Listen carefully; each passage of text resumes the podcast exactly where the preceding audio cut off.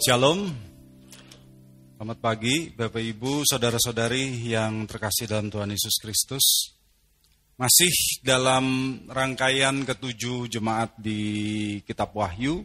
Hari ini kita sampai ke jemaat keempat, yaitu jemaat di Tiatira. Silakan ditampilkan petanya ya. Kota Tiatira ini letaknya Jaraknya itu 76 km dari kota Pergamus ya yang sebelumnya kita bahas. Kota Tiatira ini sampai sekarang masih ada. Jadi kalau Bapak Ibu ke Turki masih ada di sana. Dan orang Turki menyebutnya kota Akisar. Akisar artinya kastil putih. Jadi kalau Akisar itu dulunya kota Tiatira. Kota Tiatira ini kota yang biasa-biasa saja. Kota kecil, Bahkan kota yang paling kecil dalam ketujuh jemaat di kitab Wahyu. Dan sekalipun kota ini kecil dan tidak istimewa, tapi Tuhan Yesus mengirimkan pesan yang paling panjang kepada kota kecil ini. Jadi ada sesuatu hal yang perlu kita pelajari ya. Mari kita membaca dari Alkitab kita dari Wahyu 2 ayat 18 sampai 29. Wahyu 2 ayat 18 sampai 29 saya membacakan dari terjemahan baru edisi kedua. Tuliskanlah kepada malaikat jemaat di Tiatira. Inilah firman anak Allah yang matanya bagaikan nyala api dan kakinya bagaikan tembaga. Aku tahu segala pekerjaanmu, baik kasihmu maupun imanmu baik pelayananmu maupun ketabahanmu. Aku tahu bahwa pekerjaanmu yang terakhir lebih banyak daripada yang pertama. Meskipun demikian, aku mencela engkau karena engkau membiarkan wanita Isabel yang menyebut dirinya Nabiah mengajar dan menyesatkan hamba-hambaku supaya berzina dan makan persembahan-persembahan bagi berhala. Aku telah memberikan dia waktu untuk bertobat, tetapi ia tidak mau bertobat dari zinanya. Lihatlah, aku akan melemparkan dia ke atas ranjang orang sakit, dan mereka yang berzina dengan dia akan kulemparkan ke dalam kesukaran besar, jika mereka tidak bertobat dari perbuatan-perbuatan perempuan itu. Anak-anaknya pun akan kubunuh dan semua jemaat akan mengetahui bahwa akulah yang menguji pikiran dan hati orang, dan bahwa aku akan membalaskan kepada kamu masing-masing menurut perbuatanmu. Namun kepada kamu, orang-orang lain di Tiatira, yang tidak mengikuti ajaran itu dan tidak menyelidiki apa yang mereka sebut seluk-beluk iblis. Kepada kamu aku berkata, aku tidak mau menanggungkan beban lain kepadamu. Tetapi apa yang ada padamu, peganglah itu sampai aku datang. Siapa yang menang dan melakukan pekerjaanku sampai kesudahannya, kepadanya akan kuberikan kuasa atas bangsa-bangsa. Ia akan memerintah mereka dengan tongkat besi. Mereka akan dirumukan seperti tembikar tukang periuk-periuk, sama seperti kuasa yang kuterima dari Bapakku, dan kepadanya akan kuberikan bintang timur. Siapa bertelinga, hendaklah ia mendengarkan apa yang dikatakan roh kepada jemaat-jemaat. Bapak Ibu, saudara-saudariku yang terkasih dalam Tuhan Yesus. Seperti pada jemaat yang lain, di sini Tuhan Yesus juga memperkenalkan dirinya dengan gelar tertentu. Dan di ayat 18 tadi, Kristus memperkenalkan dirinya sebagai anak Allah. Anak Allah yang matanya bagaikan nyala api dan kakinya bagaikan tembaga. Tentu kita tahu bahwa Kristus adalah anak Allah. Tetapi bagi jemaat di Tiatira ada pesan yang istimewa dengan gelar anak Allah ini. Jadi Kristus itu tidak sekedar menggunakan gelarnya secara asal, secara random. Tapi ada sesuatu yang khusus bagi jemaat di mana dia memperkenalkan diri. Saudaraku, di Tiatira ada kuil dewa Apollo. Ya, seperti di kota-kota lain yang kita telah bahas ada kuil dewa-dewa. Di sini kuilnya adalah kuil dewa Apollo. Apollo adalah anak dari dewa Zeus. Zeus itu dewa tertinggi dalam panteon Yunani. Karena itulah Apollo disebut anak dewa. Ya, karena dia anak dewa Zeus. Dalam bahasa Yunani, tidak ada perbedaan menyebut dewa ataupun Allah. Kedua-duanya itu sama-sama theos. Jadi, dengan memperkenalkan diri sebagai anak Allah, sebetulnya ini sama dengan sebutan yang di, dikenakan kepada dewa Apollo. Jadi Yesus ingin mengatakan dialah anak Allah yang sejati, bukan Apollo. Kalau Kristus memperkenalkan diri sebagai anak Allah, berarti ada pesan khusus juga tentang keilahiannya yang hendak disampaikan kepada jemaat Tiatira. Contoh penjelasannya ada di Ibrani 1 ayat 5 sampai 14 ya. Saya akan berikan beberapa ayat saja yang relevan dengan mengapa Kristus mengatakan dirinya anak Allah. Ibrani 1 ayat 8 sampai 12 saja ya. Kalau mau lengkap dari ayat 5 sampai 14. Nanti Bapak Ibu bisa baca di rumah. Tetapi tentang anak, ia berkata, tahtamu ya Allah, tetap untuk seterusnya dan selamanya. Dan tongkat kerajaanmu adalah tongkat kebenaran. Engkau, anak Allah, mencintai keadilan dan membenci kefasikan. Sebab itu Allah, Allahmu, telah mengurapi engkau dengan minyak sukacita. Dan melebihi teman-teman sekutumu. Dan pada mulanya, ya Tuhan, ini anak Allah juga. Engkau telah meletakkan dasar bumi, dan langit adalah buatan tanganmu. Semuanya itu akan binasa, tetapi engkau tetap ada. Dan semuanya itu akan menjadi usang seperti pakaian. Seperti jubah, engkau akan menggulung mereka, dan seperti pakaian, mereka akan diganti. Tetapi engkau tetap sama, dan tahun-tahunmu tidak berkesudahan. Bapak, ibu, saudara-saudari yang dikasih Tuhan, semua ayat-ayat yang tadi kita baca mengutip perjanjian lama. Ibrani 1 ayat 89 mengutip Mazmur 45 ayat 6 sampai 7. Jadi penulis kitab Ibrani mengatakan bahwa anak Allah itu ilahi dan dialah sang Mesias yang diurapi yang diutus oleh Allah Bapa. Nah, Sementara Ibrani 1 ayat 10 sampai 11 mengutip Mazmur 120 102 ayat 25 sampai 27. Dan di sini dikatakan bahwa Yesus sebagai anak Allah adalah pencipta alam semesta. Jadi Yesus bukan diciptakan Bapak Ibu, tapi Yesus adalah pencipta.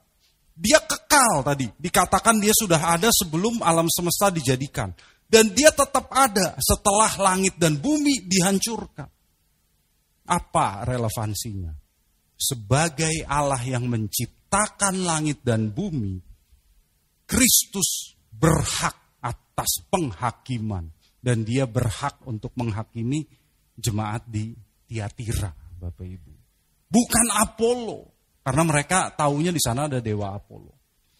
Selain menyatakan diri sebagai anak Allah, Kristus mengatakan matanya bagaikan nyala api, kakinya bagaikan tembaga. Nah, bagi orang Tiatira ini juga memiliki makna khusus. Kota Tiatira itu meskipun kecil, tapi itu kota perdagangan. Dia terkenal dengan banyak serikat dagang. Produksi utama dari kota Tiatira adalah tekstil, seperti wol dan kain berwarna. Nah, dari kota inilah seorang perempuan yang namanya Lydia berasal. Ya, jadi kalau di kisah para rasul ada perempuan yang mendukung pekerjaan Paulus namanya Lydia, pedagang kain ungu dari kota Tiatira. Jadi Lydia itu mendukung pelayanan Paulus dan banyak penafsir mengatakan mungkin jemaat di Tiatira ini adalah buah dari kesaksian Lydia. Ya, makanya di kitab Wahyu ada jemaat Tiatira. Nah, itulah sebabnya Bapak Ibu e, Tiatira ini kota perdagangan yang penting. Ya. Selain tekstil, ada juga serikat dagang, serikat pandai logam. Nah, kalau pandai logam itu bekerja dengan tembaga. Itulah sebabnya Kristus mengatakan kakinya bagaikan tembaga. Jadi ini cocok dengan kota tersebut. Kalau matanya bagaikan nyala api, itu berarti Kristus dapat melihat segala sesuatu yang tersembunyi. Dan kaki yang bagaikan tembaga itu berarti Kristus berjalan dalam kemuliaan di tengah-tengah ketujuh jemaat. Dan dia dapat menginjak dosa di bawah kakinya. Kristus itu berkuasa loh, itu yang mau disampaikan. Seperti jemaat-jemaat yang sudah kita pelajari sebelumnya. Kristus juga memuji jemaat di Tiatira.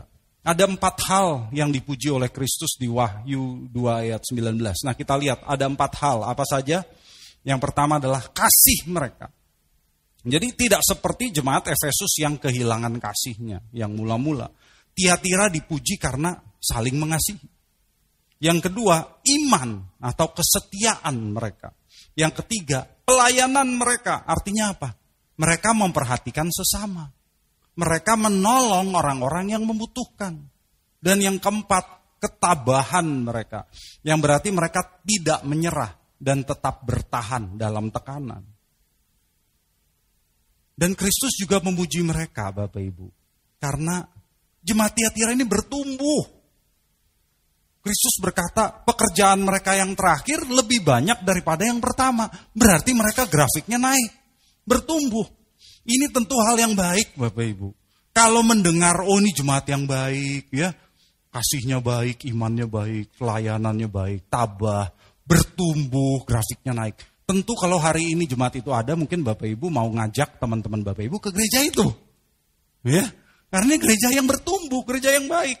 Tapi, seperti jemaat-jemaat yang lain, jemaat Tiatira juga bermasalah. Seperti yang disampaikan oleh Kristus di Wahyu 2 ayat 20. Masalahnya apa? Coba kita lihat. Meskipun demikian, aku mencela engkau.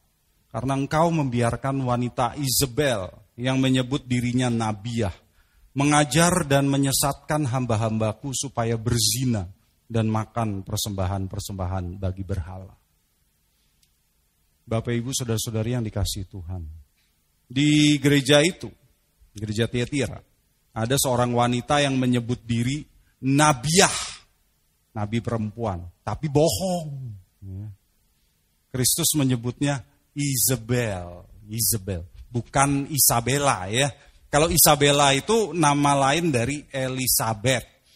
Tapi kalau Isabel ini saya kira Bapak Ibu nggak ada yang mau menamai anaknya Isabel, bener nggak? Ada yang mau coba? Ntar punya anak perempuan, kasih nama apa? Isabel. Atau pakai bahasa Inggris, Jezebel. Nah, kayaknya keren gitu ya. Tapi Isabel itu nama yang dihindari. Karena dia perempuan yang paling jahat di perjanjian lama. Bapak Ibu. Ya, di semua perempuan yang tercatat di perjanjian lama yang paling jahat itu Isabel. Dia ini putri Raja Sidon yang membawa agama Baalisme Sidon ke Israel. Dan akhirnya menyesatkan orang Israel. Kok bisa menyesatkan? Iya, karena dia meng, e, menikah dengan Raja Ahab. Raja Ahab itu juga raja paling jahat dari Israel. Ya. Isabel mensponsori 850 nabi Baal dan Asyera melawan satu orang Nabi Yahweh. Siapa Nabi Yahwehnya? Elia. Cuma satu lawan 850. Lalu Elia menang lawan 850 Nabi itu. Terus Isabel mengancam akan membunuh Elia. Elia yang sudah mengalahkan 850 Nabi. Lari ketakutan gara-gara satu orang perempuan Bapak Ibu Isabel ini lari ketakutan dan sampai di padang gurun dia berdoa kepada Tuhan. Tuhan cabut nyawaku. Loh kok bisa begitu ya? Gara-gara satu perempuan ini loh. Isabel ini. Nah, jadi kalau kalau ada perempuan yang disebut Isabel di Wahyu, tentu ini dipandang sangat jahat oleh Kristus. Karena saya percaya nama perempuan di Tiatira itu bukan Isabel gitu ya. Itu cuma disebut Isabel oleh Kristus karena jahatnya. Jadi kenapa dia jahat? Dia menyesatkan jemaat Tiatira sehingga jatuh ke dalam pemberhalaan Bapak Ibu. Nah caranya gimana? Begini, Tiatira itu kan kota perdagangan. Seperti tadi, tadi saya sebutkan, banyak serikat dagang. Nah, kalau orang mau berdagang di sana, mereka harus bergabung dengan salah satu serikat dagang tersebut. Kalau tidak, tidak ada yang mau berdagang dengan mereka, Bapak Ibu. Kalau serikat dagang zaman itu, mereka perkumpulannya ya berkumpul pada waktu-waktu tertentu bukan seperti serikat hari ini. Mereka berkumpulnya di mana? Di kuil dewa-dewa. Dan di sana kuil dewanya adalah kuil dewa Apollo. Jadi mereka pada waktu tertentu berkumpul di kuil dewa Apollo untuk mengadakan ritual. Dan ritualnya itu termasuk pelacuran, pelacuran suci kalau mereka sebutnya. Dan juga makan daging persembahan berhala. Nah, kalau mereka orang Kristen yang mengikut Kristus dengan setia, mereka mana bisa ikut dengan kegiatan serikat dagang yang mengadakan ritual Apollo itu. Lalu datanglah Isabel ini yang membawa jawaban, membawa solusi. Dia berkata, gampang, Allah kita Allah yang baik. Allah kita Allah yang penuh anugerah. Dia Allah yang peduli, dia tahu situasinya tidak memungkinkan dan dia bisa mengerti. Hidup ya hidup, Ya, hidup itu lebih penting daripada beragama Kristen. Kalau tidak, kalian mau makan apa? Mau makan doa? Mau puasa sepanjang hari? Udah. Allah mengerti. Ikut saja kegiatan serikat dagang itu. Nanti Allah akan mengampuni. Nah, itu yang diajarkan oleh Isabel. Sehingga tidak sedikit pedagang di kota Tiatira, di gereja Tiatira itu yang mengikut ajaran Isabel tersebut. Dan hasilnya jatuh ke dalam penyembahan berhala. Tapi Kristus memang baik Bapak Ibu. Kristus memang penuh anugerah. Dia mengatakan dia memberikan waktu kepada Isabel untuk bertobat. Masih dikasih waktu loh, kesempatan untuk bertobat. Sama seperti Yahweh di perjanjian lama. Tapi Isabel nggak mau bertobat. Ya, sehingga Kristus akan menjatuhkan penghukuman kepadanya. Ini sejajar dengan penghukuman yang dilakukan oleh Yahweh kepada Isabel di perjanjian lama. Jadi kalau Bapak Ibu lihat kesejajaran yang terus-menerus ada antara Yahweh di perjanjian lama dengan Kristus di perjanjian baru. Selalu ada. Kalau Yahweh melakukan sesuatu di perjanjian lama yang dilakukan oleh Kristus di perjanjian baru. Itu Alkitab ingin mengatakan Yahweh itu Kristus. Itu cara Alkitab mengatakannya, Bapak Ibu. Nah, di sini kita lihat masalah utama jemaat Tiatira bukan cuma sekedar penyembahan berhala. Tapi jemaat diam saja, itu masalahnya. Dan membiarkan Isabel melakukan penyesatan. Mereka terlalu bertoleransi kepada si Isabel itu, sehingga kesesatan itu berkembang dan merusak jemaat. Sama seperti di perjanjian lama, Raja Ahab bertoleransi kepada penyesatan yang dilakukan oleh Isabel. Sehingga seluruh Israel menyembah berhala. Merusak Israel, Bapak Ibu. Ini juga yang kita hadapi sekarang. Bukankah begitu? Di Indonesia, budaya diam, budaya pembiaran, itu banyak merasuk kehidupan masyarakat. Ya, di kantor misalnya, saat seseorang mengetahui temannya berbuat kesalahan. Ya. Ketika akhirnya diketahui oleh bosnya ditanya, kok kamu nggak lapor sih? Kamu kan tahu teman kamu melakukan kesalahan. Nanti kasihan pak, nanti dia dapat surat peringatan, kasihan pak. Bener nggak? Saat dia mengetahui temannya melakukan korupsi, dia juga nggak melapor aduh korupsi kasihan, dia memang kehidupannya susah, makanya dia harus korupsi. Kalau enggak dia dapat duit dari mana? Gajinya kecil. Udahlah kasihan, nanti dia dipecat, kasihan. Udah saya diam aja. Padahal dia dapat juga bagiannya gitu ya. Kalau di Indonesia tuh banyak seperti itu. Saat di rumah malam hari semua hening tiba-tiba terdengar suara jeritan di rumah tetangga. Dia juga tetap diam karena berpikir, ah, udah biar aja, pasti nanti ada orang yang menolong. Kalau saya ikut campur, nanti menyusahkan diri sendiri. Saya dipanggil jadi saksi lagi. Saat melihat di tengah jalan ada orang berjalan kaki diserempet truk sampai terguling-guling. Dia juga diem. Aduh, udah repot. Nanti harus bawa orang ke rumah sakit. Nanti keluar duit lagi padahal saya lagi buru-buru. Sampai hal-hal kecil. Melihat orang lain membuang sampah sembarangan, tidak bereaksi. Tetap diam. Anak-anak pun dari kecil diajari hal-hal yang serupa. Tetap diam, karena diam itu emas. Sehingga kalau di guru bertanya, ada pertanyaan, semua hening. Bapak ibu saya ini dosen di program S2 dan S3. Nggak ada bedanya. Jadi kalau ditanya ada pertanyaan, diam juga. Sama. Yang bertanya itu-itu saja. Yang lain diam semua. Iya, itulah Indonesia. Betul enggak? Ya, tapi ini bahaya. Coba kalau anak-anak dari kecil diajarin diem, diem, diem. Ketika dia mengalami bullying, ketika dia mengalami pelecehan, apa yang dia lakukan? Diam. Sehingga tidak ada orang yang tahu, tidak ada orang yang bisa menolong dia. Nah, budaya diam itulah yang ada di jemaat Tiatira. Dan ada juga di Indonesia, benar nggak? Nah, orang lebih menghargai orang yang diem dibanding orang yang terbuka bicaranya terus terang.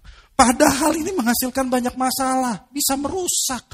Jemaat dia tira itu rusak karena Isabel dan semua mendiamkan dia. Di hari ini kita juga mungkin diam. Ya, kenapa sih jemaat Tiatira itu diam ketika melihat Isabel melakukan hal-hal itu? Karena kasih. Karena kasih mereka terlalu dalam sehingga mereka, aduh kasihan, udah biarin lah gitu. Sama Bapak Ibu, hari ini pun kita juga mungkin diam karena kasih. Kenapa? Karena kita pikir begini, udah lebih baik diam. Diam membawa kedamaian. Bukankah Tuhan bersabda, berbahagialah orang yang membawa damai. Ya, jadi kalau diam itu damai. Ya, Mungkin kita pikir lebih baik diam saling mengasihi daripada menyatakan kesalahan dari teologi seseorang gitu. Ini kan masalah teologi si Isabel ini. Karena lebih baik saling mengasihi daripada terjadi perdebatan dan keributan. Bukankah Tuhan tidak suka keributan? Bukankah doktrin memisahkan, tapi kasih mempersatukan? Tapi Bapak Ibu Saudara-saudari yang dikasih Tuhan, di sini kita lihat Tuhan tidak suka budaya diam. Tuhan Yesus tidak suka budaya diam. Apalagi saat terjadi krisis. Karena itu menyebabkan penyesatan di jemaatnya. Membuat banyak orang tersesat. Di Alkitab, di mana-mana Tuhan itu mengajarkan bahwa kita harus menegur orang yang berbuat salah, bukan diam saja. Or, Alkitab itu mempromosikan budaya keterbukaan dan keterus-terangan. Itu sikap yang dewasa Bapak Ibu. Tapi kalau kita yang kena tegur, jangan marah, jangan baper. Ya, karena kita juga mungkin yang salah dan kena tegur. Saya pun sekalipun menjadi gembala jemaat tempat ini tidak luput dari kesalahan. Kalau ditegur ya tegur. Dan saya juga nggak boleh baper. Bukankah kita mau bertumbuh jadi semakin sempurna seperti yang diajarkan oleh Tuhan Yesus? Amin. Kristus mengajar untuk terbuka. Alkitab mengajar untuk terbuka. Coba kita lihat salah satu contoh. Amsal 27 ayat 5. Amsal 27 ayat 5. Lebih baik teguran yang terang-terangan daripada kasih yang tersembunyi. Ini sekali lagi, ini Alkitab terjemahan baru edisi 2 ya Bapak Ibu. Kalau Bapak Ibu belum memilikinya nanti sehabis ibadah silakan beli di luar harganya 100 ribu rupiah. Ya, ini teks yang baru. Jadi teks Alkitab yang dulunya kita sebut terjemahan baru sekarang sudah jadi lama ya. Karena itu ditulis tahun 1974. ini edisi 2013. Jadi baru benar-benar baru.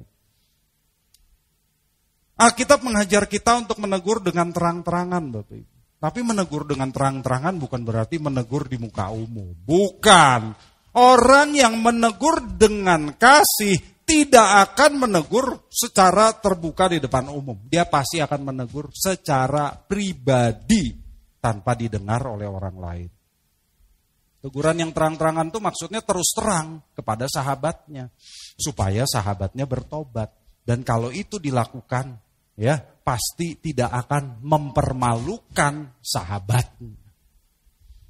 Kata Alkitab itu lebih baik daripada kasih yang tersembunyi. Apa itu?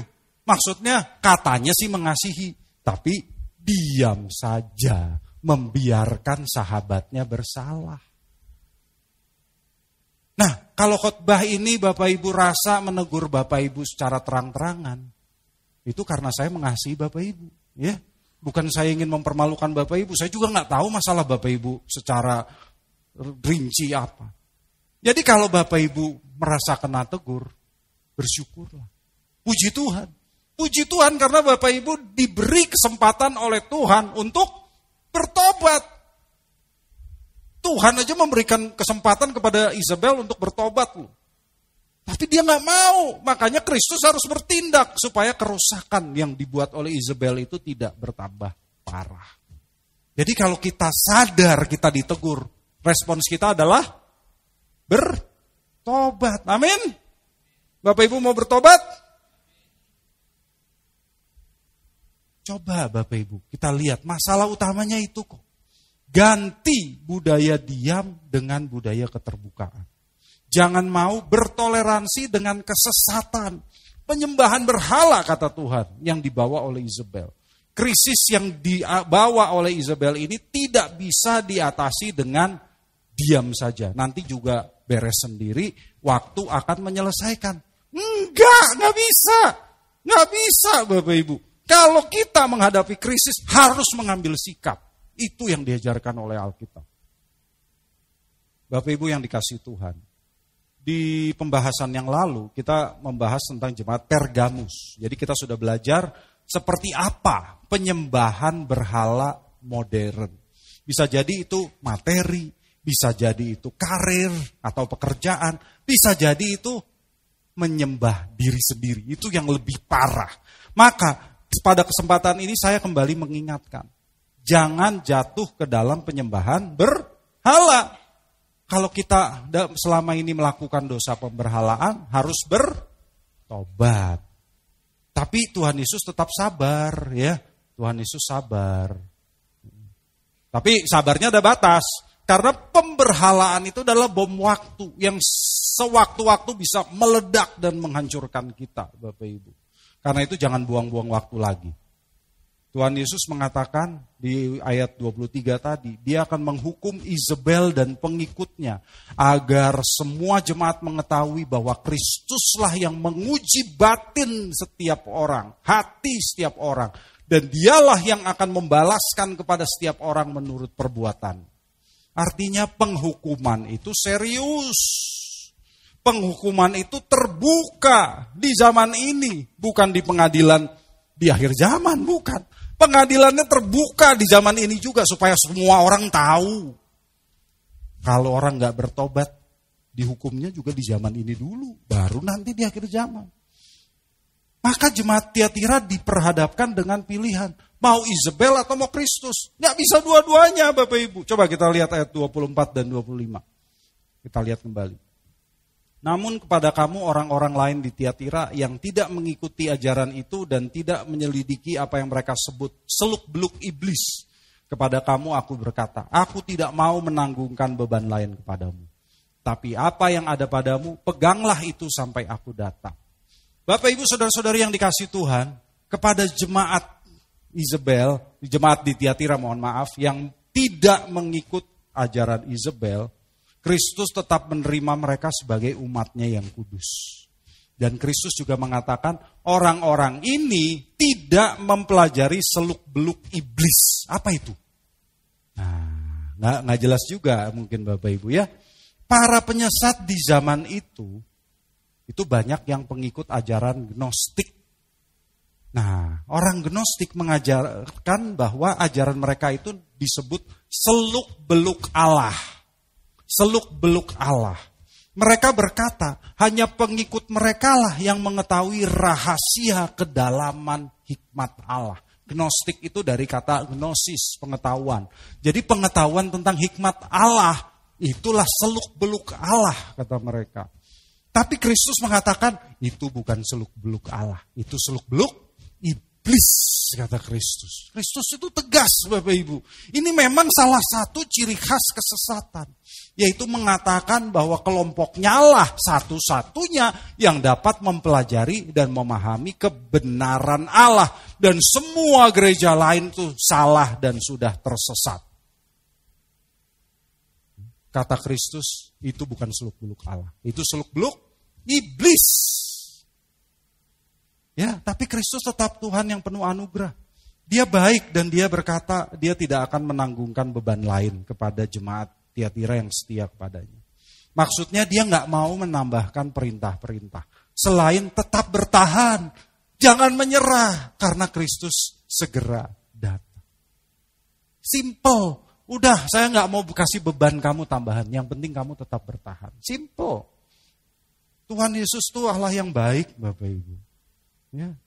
Jadi dia nggak mau membebani kita dengan susah yang macam-macam.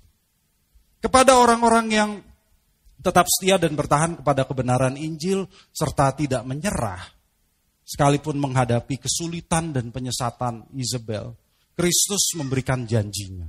Nah, janjinya yang kita lihat.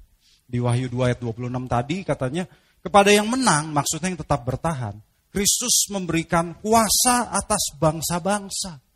Kuasa atas bangsa-bangsa. Maksudnya, Kristus menghibur mereka bahwa kondisi itu tidak akan selalu buruk seperti yang kamu hadapi di Tiatira sekarang. Nanti ketika Kristus datang kembali sebagai raja, mereka akan memerintah bersamanya. Dan ketika itu terjadi, penyembahan berhala akan dihancurkan dan kebenaran Kristus akan ada di mana-mana. Dan janji kedua, Kristus akan memberikan bintang timur atau bintang fajar. Kalau bahasa aslinya bintang fajar ya. Artinya sebetulnya kalau hari ini bintang fajar itu planet Venus ya, tapi dia karena dia paling terang kalau e, di pagi hari ya. Apa artinya bintang fajar? Kita lihat Wahyu 22 ayat 16. Ayat terakhir ya. Aku, Yesus, telah mengutus malaikatku untuk bersaksi tentang semuanya ini kepada kamu. Bagi jemaat-jemaat, akulah tunas, yaitu keturunan Daud, bintang timur yang gilang gemilang. Bapak Ibu yang dikasih Tuhan, bintang timur atau bintang fajar tidak lain adalah Tuhan Yesus sendiri. Ya, kita lihat tadi di ayat ayat di Wahyu 22. Artinya Kristus akan beserta dengan mereka dan memampukan mereka sehingga mereka dapat memerintah bersama dengan Kristus. Dan seperti Kristus bintang timur yang gilang gemilang tadi, siapa yang menang akan memperoleh kegemilangan seperti Kristus. Kalau Bapak Ibu mengikut Kristus, Bapak Ibu juga akan menerima kemuliaan dan kegemilangan. Amin. Jadi kita lihat Bapak Ibu, yang penting setia. Jangan diam, budaya diam dalam krisis seperti di jemaat Tiatira mengakibatkan kerusakan. Dan itulah yang tidak disukai oleh Tuhan. Membiarkan penyesatan berarti mengundang penghukuman dari Tuhan. Ya. Dan kita harus berpilih, harus harus memilih Kristus atau Isabel. Ajaran Isabel kelihatannya baik karena menjadi solusi atas masalah yang dihadapi di Tiatira. Ada ajaran yang baik Bapak Ibu karena kelihatannya sesuai dengan zaman, sesuai dengan pemahaman manusia. Tetapi hati-hati. Amsal 14 ayat 12 mengatakan ada jalan yang disangka orang lurus tetapi ujungnya menuju maut. Itulah ajaran Isabel. Ajaran palsu. Kalau kita memilih Kristus, sekalipun kita menghadapi berbagai kesulitan dan tantangan dalam hidup ini, dia berjanji bahwa yang tetap bertahan akan memerintah bersama dengannya dengan penuh kemuliaan. Bapak Ibu mau pilih yang mana? Kristus atau Isabel? Puji Tuhan. Yang belum bisa memilih, pilihlah dengan bijaksana. Amin.